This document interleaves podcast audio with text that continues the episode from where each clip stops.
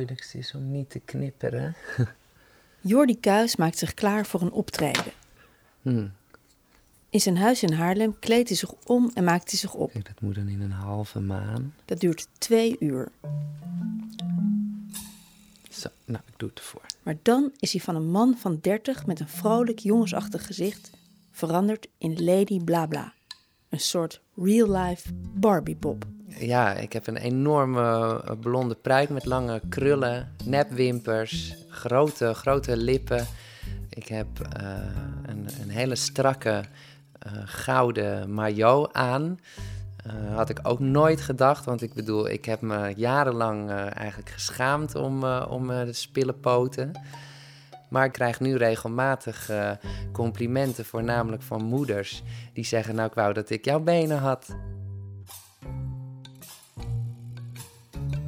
Jordi groeit op in Waarland, een dorp in de kop van Noord-Holland, omringd door water. Een eiland bijna.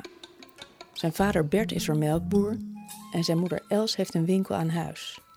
Eigenlijk vanaf het begin af aan was Jordi is altijd al anders geweest als een ander kind. Je kon hem niet eh, standaard tussen de jongens hier uit het dorp neerzetten. En als je zegt hij was altijd al anders, hoe dan? Dat hij zo creatief was. Met stemmetjes, met mimieken. En hij kon eh, zich echt over de top gedragen. Hij had bijvoorbeeld een First Sony. Nou, dat ding dat, dat heeft, die heeft hij helemaal grijs ge- gedraaid. Dus hij was als kind, kon hij zich helemaal terugtrekken daarin. En dat deed hij dan buiten of binnen of in de winkel. Tik-tak, tik-tak, bandje in, bandje uit, bandje. Oh, in Miami, and so far away. Oei, ik raak helemaal in de war met de tekst.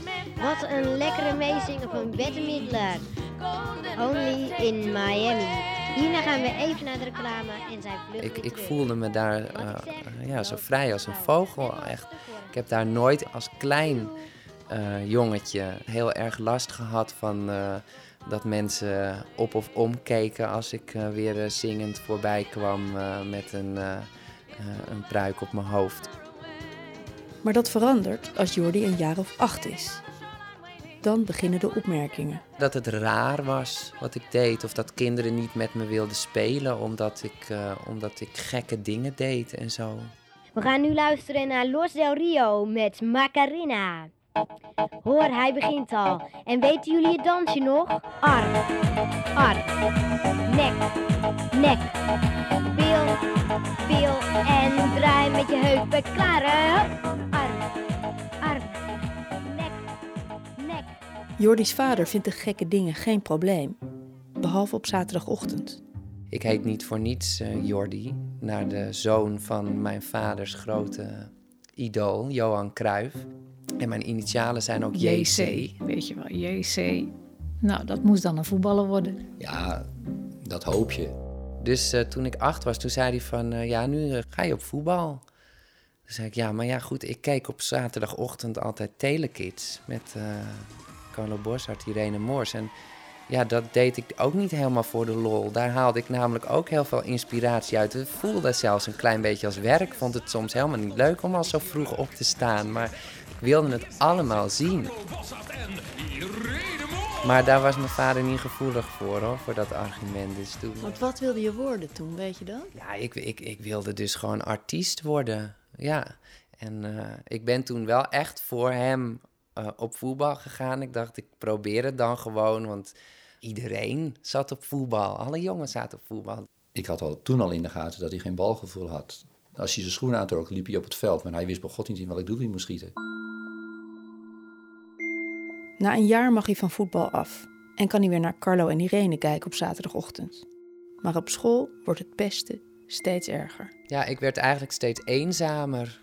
Het, het, het begon eigenlijk met, met gewoon buitensluiten van, van de groep. En daarna? Nou ja, vooral uitschelden. Eh, homo, meisje. eh, daar kwam het meestal wel op neer. En op de middelbare school werd het dan ook fysiek. Ik liep door de gang met zo'n hele grote tas vol met boeken. Dus dan ben je al niet zo heel stabiel. Dan werd ik van links naar rechts geduwd tot ik, eh, tot ik viel. Jij wilde hem wel dat hij wat harder eh, werd, weet je wel. Dat, hij zei, dat je zei van, en, en uh, denk erom als hij aanraken en dan map je terug, joh. Weet je wel. Maar dat, dat, dat was iets, nee. Ik denk dat ik, uh, dat ik een jaar of tien was. En uh, dan heb je één keer per jaar luilak. En toen werd ik zaterdagochtend wakker. En toen hadden kinderen op de winkelruit van mijn moeder... hier woont een homo opgeschreven. En uh, ik keek uit het raam van boven. En ik zag dat mijn moeder de ramen aan het schoonmaken was. Dus die was dat aan het uitvegen. Nou, dat vond ik zo'n triest beeld. Terwijl het over mezelf ging, had ik nog het meeste medelijden met mijn moeder. Dat die dat dan van haar winkelraam moest, moest vegen. Dat mensen denken dat Jordi homo is, is nooit veranderd. Ook nu hij 30 is, maakt hij het nog dagelijks mee. Mensen vinden dat ik een gekke stem heb. En als ik mezelf terugluister, denk ik soms ook wel, hm, ja, eigenlijk, ik praat best wel apart, maar, uh, en, en ik beweeg me ook misschien wel apart. En dan hoor ik inderdaad ook, uh, gay of zo, weet je wel. Ik heb wel altijd nog een fysieke reactie. Dus als ik het hoor, dan krijg ik, dan weet ik, ja, ik weet niet, dan even zo'n, zo'n alsof het steekt. Zelf heb je ook wel getwijfeld dat je denkt van dat hij een jaar of 15, 16 was van nou, het zou best kunnen zijn dat hij op jongens gaat vallen. Maar nee, maar doordat het zo accepteren. Ja, nee, ja. Maar dat wist, dat wist dat hij. Wist hij. Ja. Nee, ik heb, ik heb er bijna. Nee, ik heb natuurlijk wel eens gedacht. Maar ik heb er bijna nooit aan getwijfeld. Het, was, het is een vrouwelijke jongen. Maar dat vrouwelijke is volgens Jordi's ouders wel de oorzaak van het pesten. En dus zeggen ze tegen Jordi, als hij een jaar of 13, 14 is. Als jouw houding wat stoerder wordt, Hè, dan vinden mensen misschien ook minder snel uh, dat je vrouwelijk beweegt of dat je, dat je meisjesachtig bent. Ik had ook ja, van gewoon wat langer blond haar. Dat moest er ook af. Ik ging naar stekeltjes. En uh, nou ja, ik, uh, ik ging dus op mensendiek om mijn houding te verbeteren. Naar de sportschool om wat gespierder te worden. logopedie om, om mijn spraak aan te passen. En, en bij de mensen die, diegene die dat gaf, die wist ook dat dat de bedoeling was? Dat je stoerder zou gaan bewegen? Nee, dat denk ik niet. Nee, het was vooral om, uh, om gewoon om uh, recht, rechtop te laten staan. En om, om gewoon, nou ja, te lopen zoals alle mensen lopen. ja, ik weet niet. Deden we dat om, omdat hij wat stoer... Nee, hij, zijn houding. Zijn houding was een beetje krom. En uh, als jij al gebogen aankomt en een beetje met je gezicht naar achter en... Uh, nou ja, dan, dan komt het natuurlijk nooit goed. Dan wordt het ook nooit wat. Dan moest ik van de ene naar de andere kant lopen en zei... Nee, eerst je voet zo neerzetten en dacht ik, wat doe ik, wat doe ik fout, weet je? En nou, weer de andere kant op lopen. En het zweet goot van me af, want ik vond dat zo moeilijk en zo... Nou ja, wat, wat willen jullie nou van me? En mag ik, mag ik mezelf dan nooit meer laten zien? Dacht je ook ergens, misschien gaat dit wel helpen? Ja, natuurlijk. Ja, ja ik probeerde echt nou ja, anders te lopen, anders te praten. Uh, zoals ik bijvoorbeeld de telefoon uh, opnam, dat ik ook zei met Jordi. In plaats van met Jordi, want normaal, ja. De ouders van Jordi kunnen het zich niet zo goed herinneren. Wel dat hij op logopedie ging. Ik weet wel dat hij het gedaan heeft, maar ik weet eigenlijk niet meer waarom. Want in mijn gedachten kon, kon hij best goed praten. Maar, ja, ik weet niet. En de sportschool, dat was gewoon een goed idee, vinden ze nog steeds. Hij is natuurlijk smal, alles is vrij smal. Vroeger nog erger, het is iets beter geworden. Terwijl hele simpele oefeningen kan hij best wel een gespierde jongen worden. Hoe lang heb je geprobeerd om stoerder te doen dan je, dan je eigenlijk uh, was? Ik denk dat, uh, dat dat een jaar of drie is geweest. Voordat ik gewoon de moed heb opgegeven. Dat ik dacht, ja, weet je, we kunnen nu wel blijven proberen om die buitenkant te veranderen. Maar dat pesten, dat blijft gewoon. Het duurde gewoon allemaal heel erg lang. Want geloof me, als je gepest wordt en je bent zo ongelukkig, dan is elke dag duurt heel lang. 23 november 2013. Het is een belangrijke dag voor Jordi. Hij is 29 en staat te wachten in de coulissen van het televisieprogramma Holland's Got Talent. En dat duurde heel erg lang en mijn voeten deden heel erg zeer. Want ik had flinke naaldhakken van 13 centimeter en zo. Dus weet je, het, alles zag er gewoon echt goed uit. En het was eigenlijk best wel heel spannend. Jordi is artiest geworden zoals hij wilde. Naast een gewone baan, dat wel. Hij treedt op als zanger en presentator. En je kunt hem inhuren voor feestjes.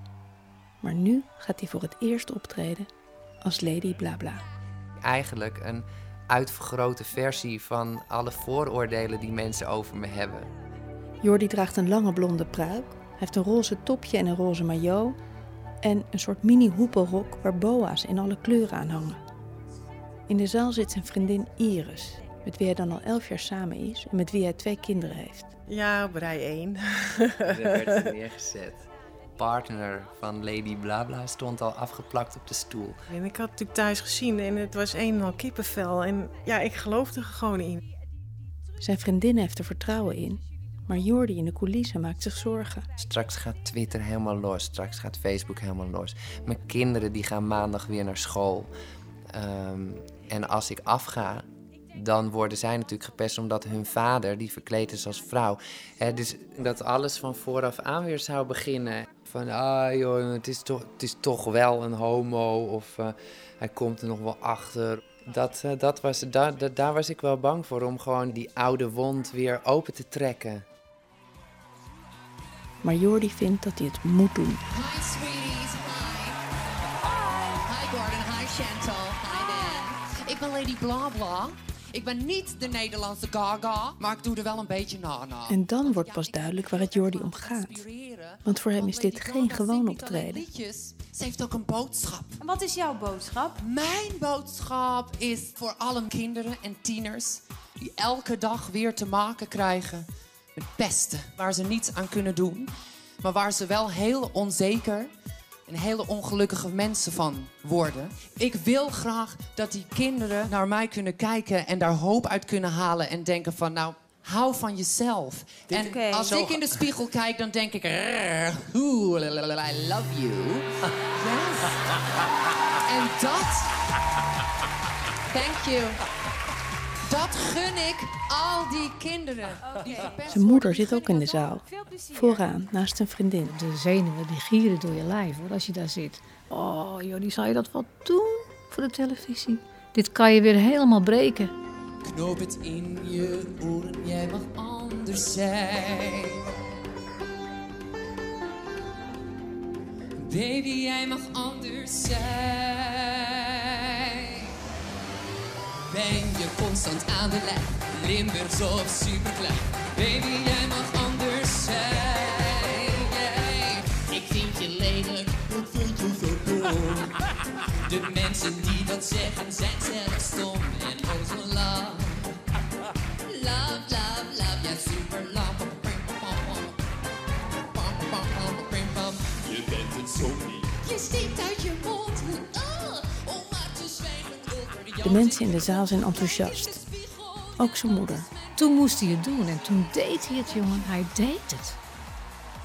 En Jordi kan na afloop ook nog even zeggen dat hij vroeger zelf gepest is.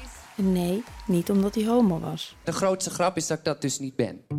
Maar thuis is hij toch bang voor negatieve reacties op internet. Ik heb Iris gezegd, ik zeg, ga jij maar kijken hoor op Twitter na de uitzending, want ik durfde zelf niet te kijken. Ja, en eh, eigenlijk alleen maar waren eh, allemaal positieve reacties van wat fantastisch en eh, wat een goede act en, en eh, we hebben genoten. Ik ben echt tot diep in de nacht op zoek gegaan naar toch een negatieve reactie of iemand die me, die me toch wilde, wilde kwetsen of misschien iemand van vroeger nog die, eh, die had gereageerd. En dat, dat waren er een heleboel, maar allemaal positief en ik kon dat bijna niet geloven.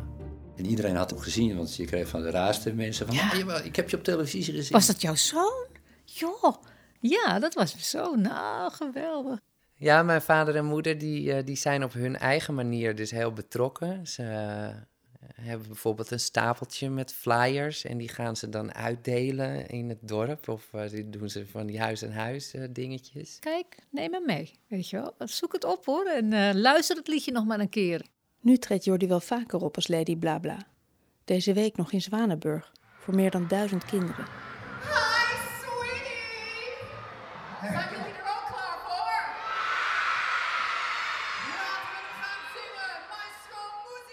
Mijn vader die gaat regelmatig mee eh, naar optredens. Dan zie ik hem wel echt als er bijvoorbeeld applaus komt of, of het publiek reageert.